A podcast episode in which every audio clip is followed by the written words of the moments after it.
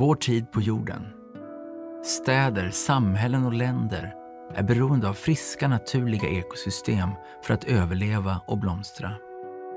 De är sammankopplade och avhängiga av varandra. Världen så som vi känner den har blivit allt mer komplex, turbulent och globaliserad.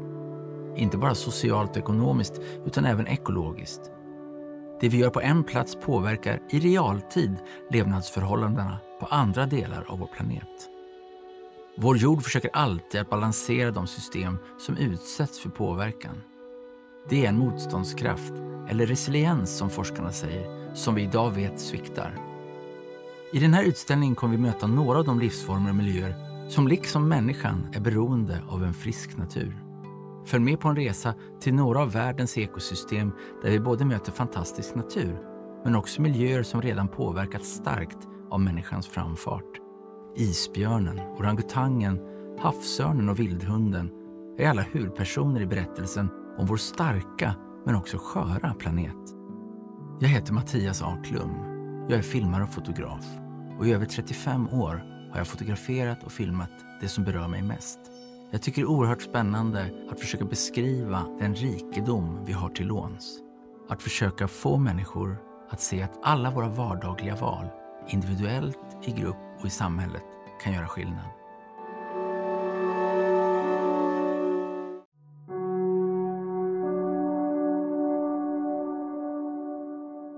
Antropocen, människans tidsålder.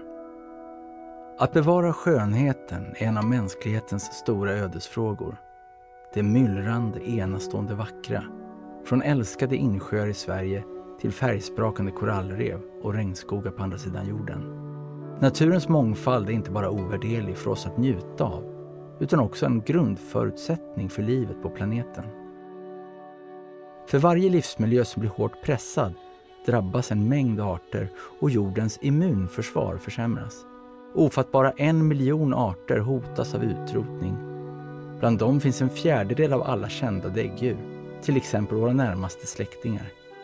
Men naturen har en fantastisk förmåga att återhämta sig, om vi bara ger den chansen. Så ytterst lite skiljer oss från orangutangerna, men också från talgoxar, leguaner, tigrar och gräset vi går på. Vi har alla en del i samma system av komplexa genetiska livskoder och förståelsen för släktskapet till allt levande blir viktigare för varje dag. Allt för länge har vi agerat utifrån det felaktiga antagandet att miljöfrågor är åtskilda de sociala och ekonomiska. De system som upprätthåller liv på jorden är förutsättningen för moderna ekonomier. I antropocen är nyckeln till välfärd hållbarhet. Livets trådar spinner en väv som omfattar alla planetens ekosystem. Jag hoppas att utställningen Vår tid på jorden kan ge några små glimtar av det fantastiska som vi har att bevara och glädjas över. Det är en kärleksförklaring till den levande världen, så som vi vill att den ska vara. Som den också måste vara för att människan ska kunna ha ett bra liv på jorden i framtiden.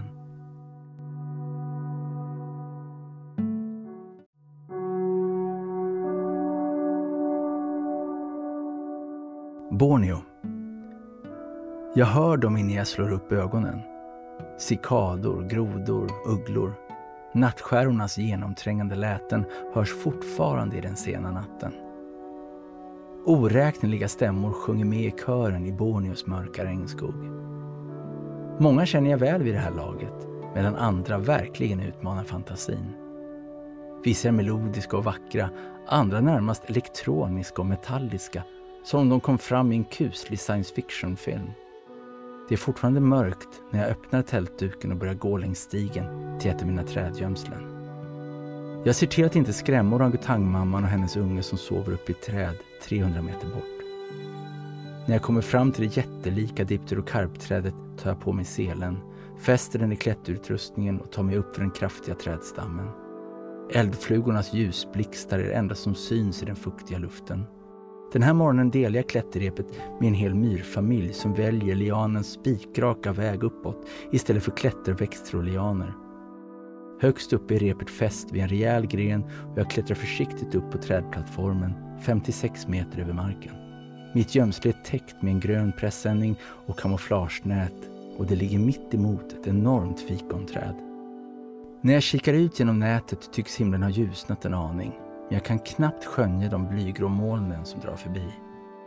Strax borde gibbonaporna låta höra sina bubblande lockrop och argusfasanerna falla in i kören med höga röster, precis som de gjort sedan tidernas begynnelse. Deras melodiska hoande tyder på ett sunt ekosystem. Argusfasanen är en viktig indikatorart. Att den trivs här är ett tecken på att skogen mår bra.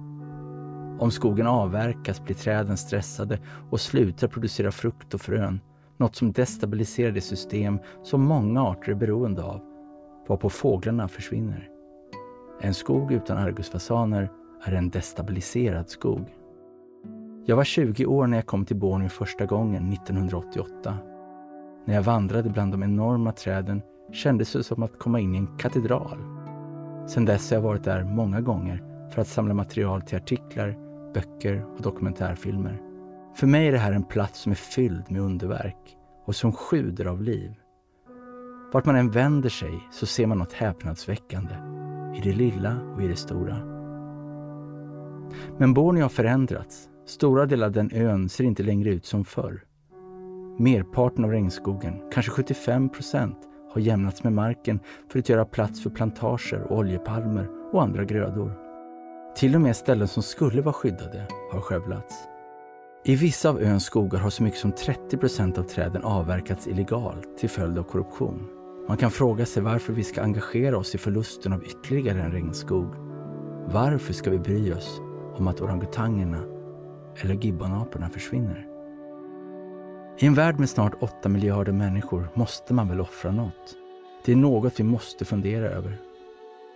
Efter alla år jag tillbringat i avlägsna och relativt orörda områden har jag blivit klar över en sak. Vildmarken i Borneos regnskogar är lika livsviktig för megastäderna Tokyo eller Chicago som lungorna i en kropp är för dess muskler. Städer, samhällen och länder är beroende av friska naturliga ekosystem för att överleva och blomstra. De är sammankopplade och avhängiga varandra.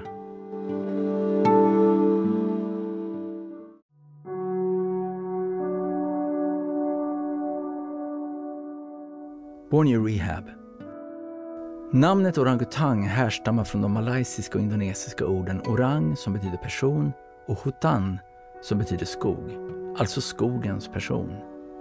En av de mest intelligenta, fantastiska men också hotade primaterna på planeten. Skogsavverkningen i den här regionen har lett till betydande minskningar av många arter som liksom orangutanger är beroende av skog. Och skog är ju inte bara skog.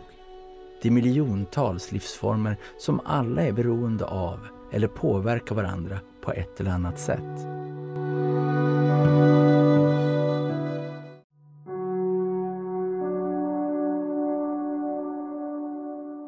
En plats på jorden.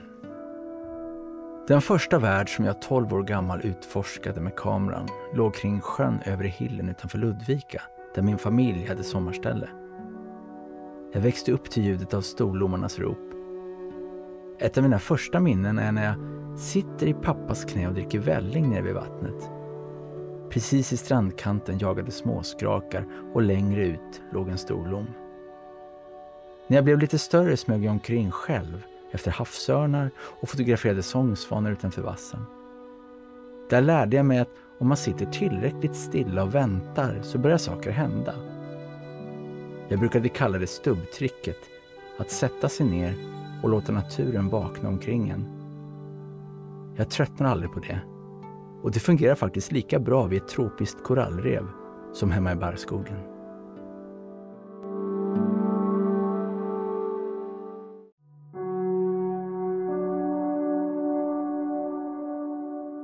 En vinnande strategi. Den afrikanska kontinenten omfamnar en myriad unika ekosystem och en enastående rikedom av arter. Var och en med viktiga funktioner som ekosystemingenjörer. Att skydda och upprätthålla livskraftiga stammar av de olika djurarterna och att hålla skogarna, savannerna och havsmiljöerna i balans har visat sig vara det bästa sättet att säkra långsiktig stabilitet för människor natur, klimat och regionens ekonomi.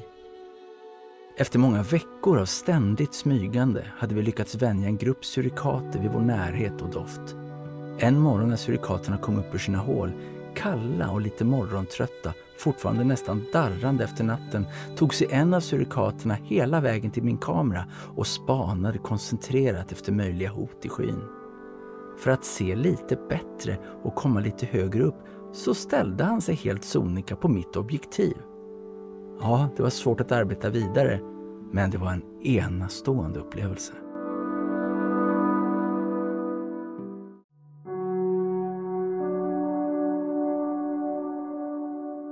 Galapagos.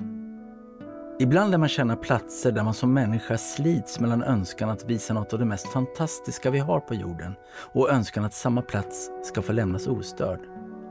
Få vara i fred med sin extraordinära artrikedom och fortsätta som ett livets laboratorium där naturens evolution kan fortgå utan människans påverkan.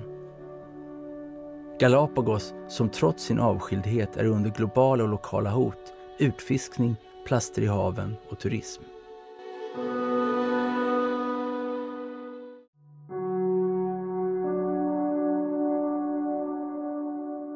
Gift som botar.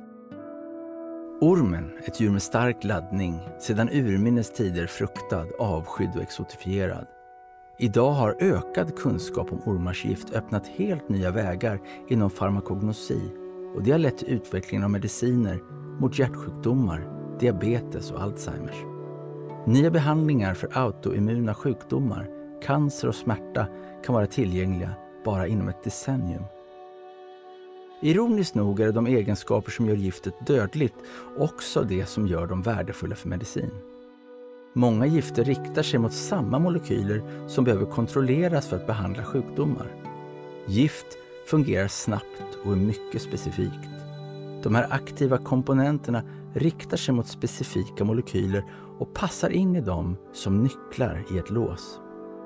Forskare studerar de här genetiska och molekylära uppställningarna genom att samla gift, DNA och så kallade RNA eller vävnadsprover. Viktigt att veta är att forskningen inte kommer att påverka de vilda populationerna eftersom de vilda ormarna släpps efter provtagning. Människor har ofta förklarat för mig att jag har ett farligt jobb. De tänker kanske på arbetet nära elefanter, tigrar, isbjörnar, leoparder, lejon, hajar, olaglig avverkning och giftiga ormar. Ja, till exempel som den här skönheten här bredvid. I mitt arbete är det en förutsättning att jag gjort min efterforskning väl och att jag kan läsa av naturen så gott som jag bara kan. Det låter mig komma närmare djuren och har hittills hållit mig vid liv. Och gör man det rätt är det vanligtvis inte farligt alls. Under ett National Geographic-uppdrag i republiken Kongo lyckades jag ta en närbild på den här vackra och sällan sedda vattenkobran.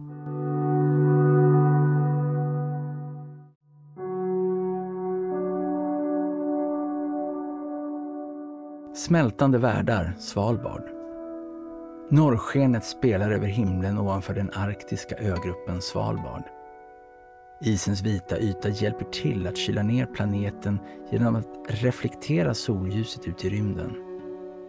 Här i världens nordligaste område smälter nu isarna och havsnivån stiger i en takt vi aldrig tidigare uppmätt. Isbjörnen som ni möter på flera av mina bilder är en viktig ambassadör för Arktis.